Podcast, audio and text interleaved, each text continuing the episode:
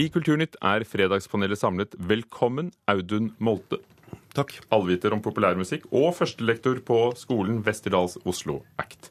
Nina Kristiansen, redaktør i forskning.no. Takk. Og Ragna Nordenborg, programleder i radiokanalen NRK P13. Hei. God morgen. Arendalsuka er politikernes forsøk på å fravriste journalistene makten over den politiske agendaen. Det sa medieprofessor Eli Skogerbø ved Universitetet i Oslo til Kulturnytt denne uken. Er det bra at politikerne tar makten fra mediene? Ja, men jeg er ikke enig i professorens eh, påstand. Nei. Jeg er også litt nja, ja, altså, ja, på en måte, ja. Men jeg er ikke helt enig, jeg heller. Eh, Hvorfor er dere uenig i påstanden om at, om at dette her journalistene kan selv sette agendaen? Nei, altså, Premisset for spørsmålet er jo enkelt å svare ja på. For at eh, politikerne er folkevalgte, journalistene er ikke folkevalgte. Når det er sagt, så, så har jo presse og media og, og politikere helt ulike roller sant? og viktige roller å spille. Og det samspillet som er f.eks. på Arendalsuka, det handler ikke om at noen tar makta tilbake fra noen, men at man møtes, at man snakker sammen, at man har på en måte en politisk eh, og medie- og kulturell festival og har en, eh, en, en dialog. Så det, men det endrer det maktforholdet, det er ikke sikker på. Grunnen til at vi hører noe om Arendalsuka i hele tatt, er jo at media er der og dekker det. Det var litt det samme jeg også tenkte på, at hvis man snakker om dagsordenmakt, så kanskje det er noe annet. Fordi det at det er organisasjoner, interesseorganisasjoner, politikere som sitter og snakker sammen, og så er på en måte mediene tilskuere, uh, og folk som har lyst til å komme og høre på hva Redd Barna har å si, de kan også få komme, og det kan også journalistene. Så, så er det jo på en måte noen andre som setter agendaen enn en media. Og det er fint. Men det, det, med, det med å ha en definisjonsmakt forskyvning, det er jeg jo ikke helt enig i, jeg heller. fordi det, det, må jo, det, må jo, være filtrert gjennom noe, og det blir jo gjerne da media. Eller da, som jeg har fulgt Arendalsuka nå de siste dagene, selvfølgelig på da sosiale medier. ikke Hørte sant? du ikke Politisk kvarter direkte fra Arendalsuka nå nettopp? Det er eh, rett og slett eh, sånn at de får ut tingene sine i sine egne kanaler også, men, men, men uten media er ingen eh, veldig stor suksess. Nei, jeg syns jo det er flott da, at politikerne diskuterer politikk i Arendal. Eh, det får vi kanskje bedre politikere av. Altså gode politiske diskusjoner. Men jeg tror ikke ei uke der nede gjør at man tar liksom makten fra mediene. Altså Det er jo helt prisgitt mediene for at noen skal høre om det, som dere er inne på. Ja, Er de det lenger, nå som, nå som Ragnar kan sitte med mobiltelefonen, og så kan de skrive det selv hva de vil?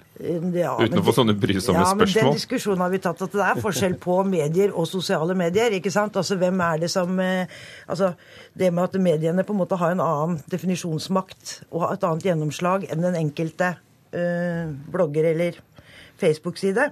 Men jeg mener jo at hvis at ei uke i Arendal ville gjort at mediene ble fravist av makten, så hadde norsk media stått veldig, veldig svakt. da. Skal litt mer til.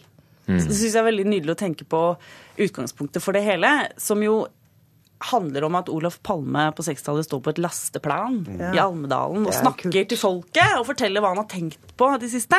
Som en liten sånn oppsummering av, eh, av eh, Palmes eh, halvår da, inn i, inn, i et, inn i høsten. Og så, og så utvikler det seg jo til å bli en enorm, gigantisk festival, messe, kall det hva du vil. Som er altså Almedalsvekkan Ja, eh, som er det vi hermer etter. Og den hermer de etter, men vil de lykkes å, å bli det fenomenet det er blitt i Sverige? Det spørs jo om mediene er der og skriver om det, da. Ikke sant? Jeg syns jo også det har vært veldig fint eh, hvis man virkelig skal tenke at det blir en ny funksjon i demokratiet, så er det jo ikke bare politikere og interesseorganisasjoner som eh, må snakke sammen. Og sikkert også kommunikasjonsbransjen, selvfølgelig, som jo står bak og trekker i trådene her. Det må jo da også inviteres eh, folk, altså oss. Hele Norge må jo da begynne å bestille billett til, eh, til Arendal og Sørlandet og droppe Øyafestivalen f.eks. Da snakker vi om et nytt demokrati. Nytt spørsmål. Håndskriften står i fare for å forsvinne pga. den økende bruken av smarttelefoner og nettbrett. Dette fryktet professor i filosofi Arne Johan Vetlesen på luften her i, i Kulturnytt. Han mener skolen bør basere skriveopplæring på, på blyant og penn, og ikke nettbrett og tastatur, slik flere norske skoler nå velger å gjøre. Har Vetlesen rett? Nei. Nei. Nei. Nei. Er det så entydig, altså? Jeg syns jo at eh, det å kunne lære bokstavene eh, først på et nettbrett og, og knatre ned navnet sitt og, og skrive et kort brev til, eh, til, læreren i første klasse på, på, nettbrett, det må være helt i orden. Eh, og så lærer man seg selvfølgelig å skrive seinere. Særlig syns jeg argumentet med at hånda blir litt større. Du får litt bedre grep om det når du blir litt eldre. Fordi håndskriften du lærer når du er liten, den fester seg jo. Det er den stygge håndskrifta mange sliter med. Det er fordi de, de, de, var veldig små når de lærte det. Så de kan heller lære pen løkkeskrift eh, i tredje klasse. Det som er kult her, da, er at det er et felt, endelig, et felt vi kan diskutere hvor det ikke er så mye forskning. Det, det, det, som er, viser som er, alt mulig rart. Ja, vi, er, si. Forskjellige ting. Vi har, skrevet om to svenske studier som er veldig positive, og som oppsummerer det som eh, du sier. Men, men det er litt sånn da at når når det ikke er så mye forskning, når forskningen er tynn, så blir meningene tjukke. Og da kommer jo da filosofiprofessoren ikke sant, som forsker på ondskap og etikk, og vi som er journalister og kan være eksperter på håndskrift. Og det er jo kult, da. Og jeg, jeg er for at vi hopper over håndskrift totalt, egentlig. Altså, Jeg skriver en liten sånn lapp til meg sjøl, snur meg rundt og skjønner ikke min egen håndskrift og hva jeg mente. Så jeg er for å droppe håndskrift, jeg, faktisk. jeg skjønner heller ikke min egen håndskrift, men uh, vi kan vel ikke droppe den helt, kanskje. Men den, den verden som barna er på vei inn i, er jo i stor grad digitalisert, men den er jo også analog og fysisk. Så jeg mener helt selvfølgelig må barna lære begge deler. Eh, se på tastatur som et hovedmål i skolen, og håndskrift som et slags obligatorisk sidemål.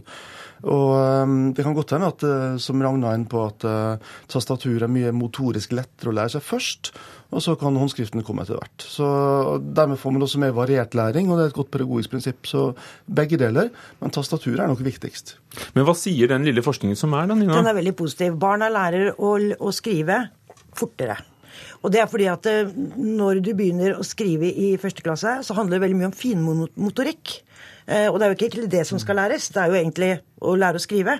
Så hvis man går rett på tastatur, så virker det som om man kan hoppe over det med finmotorikken og gå raskere. Og de to svenske studiene som vi har skrevet, viser at det gikk fort for barna å lære seg på tastatur fortere enn håndskrift. Jeg husker at jeg gråt ja, med, når vi skulle øve på å skrive, føre inn bokstavene Sirli i denne boka. Sirli?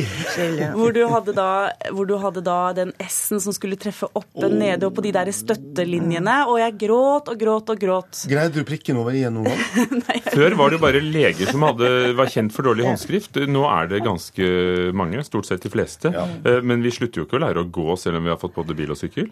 Ragna? Nei da, vi gjør ikke det. Men jeg, jeg, som, som, sagt, at, eh, og hvis det stemmer, da Man er jo veldig opptatt av det derre pinsettgrepet. Jeg har barn i barnehage. Der var jo tidlig ute med pinsettgrepet. Så dette, dette, handler jo om også viktige ting for barn. Så hvis det, hvis det kan fremme læring, og, og heller legge de der vanskelighetene til side, så må da dette være helt utmerket forsøk. Fotball. Norsk fotballjournalistikk er full av uakseptable dobbeltroller. Det mener ekspert på presseetikk Gunnar Bodal Johansen. VG skrev denne uken at eh, kjente personer som får lønn fra Norges Fotballforbund og, og forskjellige klubber, også får jobbe som eksperter, kommentatorer og reportere i norske TV-kanaler og aviser om fotball. Er det så nøye det, da? Ragna? Nei. Nina? Ja. Nei. Nei, fordi hvis det hadde vært snakk om politikk, da? Eh, jo, men altså, At folk som er engasjert i noe, et, et, felt, også kan mene noe om det offentlige, det gjør vi da hele tiden.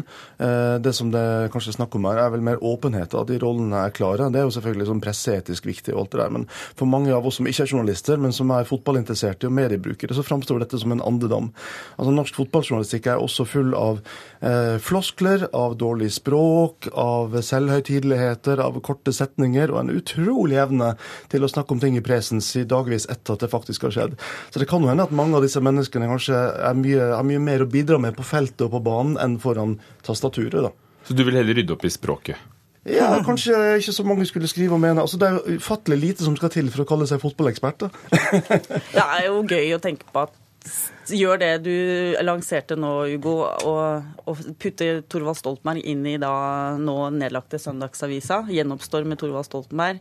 Og så tar uh, Trond Giske Dagsrevyen, og så tar uh, Vidvei rollen din her. Jeg skjønner at dette kan framstå ganske absurd hvis du flytter det, men det er jo fortsatt sånn at veldig mye av disse uh, panelene hvor disse ekstrenerne og eksspillerne dukker opp, det er jo å kommentere hva som skjedde egentlig i kampen. Og Hva så sitter du og ha skjedd, hva som i kampen. Nå, Så nå tror analyserer jeg, de Nina, du må kaste Sånn deg frem det frempå er her.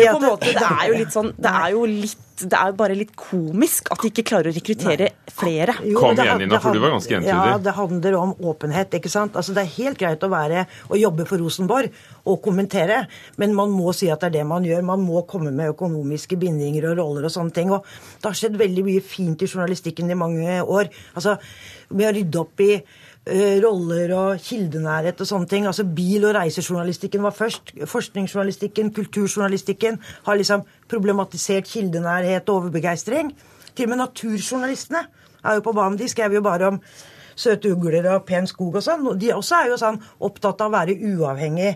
Og nå må jo da liksom sportsjournalistene følge etter, syns jeg, og være, bli mer profesjonelle i forhold til kilder og roller og, og bindinger og sånne ting. Men på, på reportersiden og gravesiden så er det jo klart at sportsjournalistikken henger veldig etter. Jeg er veldig enig med deg i det. Altså Når det gjelder da å få hull på Eh, hvordan agenter opererer, mm. hvordan, eh, hvordan barn eh, blir solgt eh, for eh, milliarder av kroner, eh, fordi de er jo faktisk barn. Eh, og at man glemmer å eh, problematisere og grave i veldig mye av det her.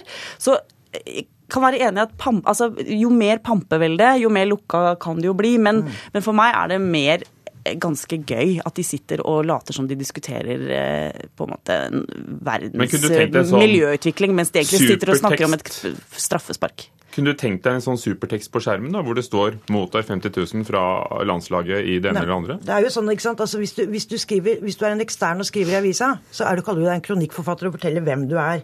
Det er jo det vi ønsker. ikke sant? At de kan gjerne være der, kjempefint, men de må si hvem de er. Takk. Jeg skal si hvem dere er. Nina Kristiansen, Ragna Nordenborg og Audun Molde, som utgjorde vårt fredagspanel.